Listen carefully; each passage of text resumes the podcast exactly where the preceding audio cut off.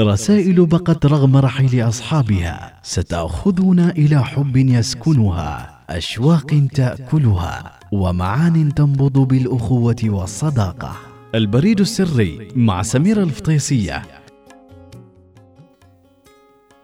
رسالة ألبرت إينشتاين إلى ابنه وزوجته. كان ألبرت إينشتاين في التاسعة عشر من عمره حين أخبر والدته أنه ينوى الزواج من حبيبته ميليفا. نعم إنه ألبرت إينشتاين عالم فيزياء لامع مناصر للسلام باحث ومناظر في العلم والروحانية وبطل في الطيبة واللطف. يذكر إينشتاين أن أمه ألقت بنفسها على السرير ودفنت رأسها في الوسادة وأخذت تبكي كالأطفال فهي لم تتوقع يوما أن ابنها سيختار فتاة يمضي حياته الباقية معها وقبل أن يكمل حديثه كان والده يخبره أنه اختار المرأة غير المناسبة فقد كانت ميليفا تكبره بثلاث سنوات. وقال له عندما تصل إلى الثلاثين ستكون هي عجوز شمطاء وكان تبرير أهله أن الزواج في هذا السن ترف لا يتحمله فتى بعمره. لا يستطيع أن يوفر معيشة مريحة له. وكتب إينشتاين رسالة إلى ميليفا يشكو فيها ما يتعرض له من ضغوط من قبل والديه. كثيرا ما تبكي أمي بمرارة ولا أنعم بلحظة واحدة من السلام. إن والدي يبكيان من أجلي كما لو كنت قد فارقت الحياة.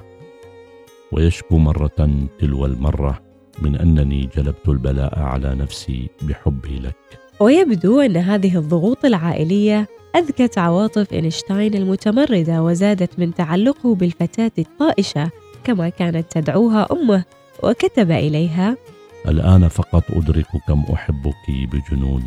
ومن الرسائل الرائعة رسائل النصائح الأبوية في التاريخ من ألبرت إينشتاين الذي عاش من سنة 1879 إلى عام 1955 في سنة 1915 عندما كان إينشتاين في السادسة والثلاثين من عمره يعيش في برلين التي دمرتها الحرب في حين عاشت زوجته ميليفا التي انفصل عنها وابناهما هانس ألبرت وإدوارد ألبرت في فيينا الآمنة نسبياً.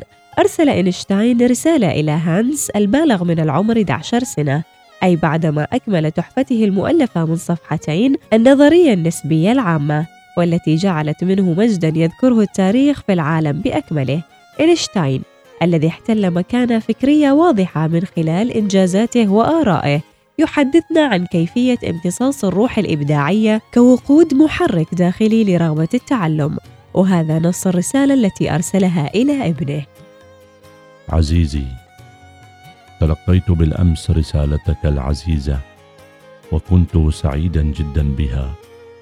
كنت أخشى أنك لن تكتب لي مجددا بعدما أخبرتني أن مجيئي إلى زيورخ كان محرجا بالنسبة لك.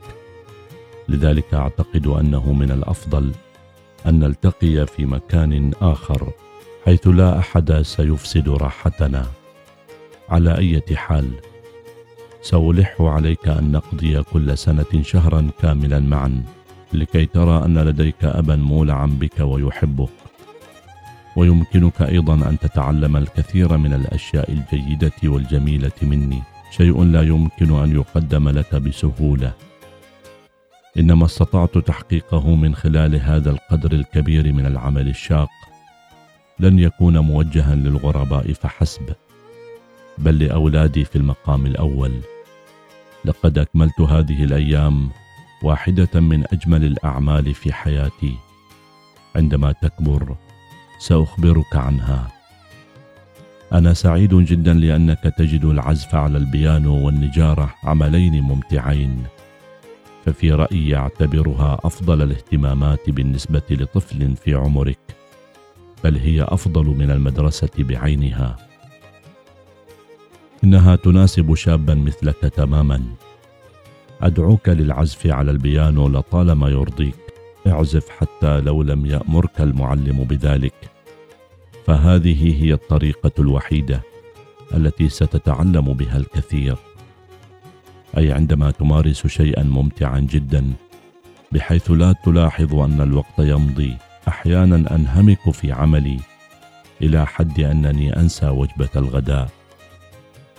قبلاتي لتيتي. تحياتي لأمك. البريد السري مع سميرة الفطيسية. يأتيكم في الأوقات التالية. التاسعة وخمس وأربعين دقيقة صباحا. الثانية عشر وعشرين دقيقة ظهرا. الخامسة وخمس وعشرين دقيقة عصرا. الواحدة وخمس دقائق صباحا.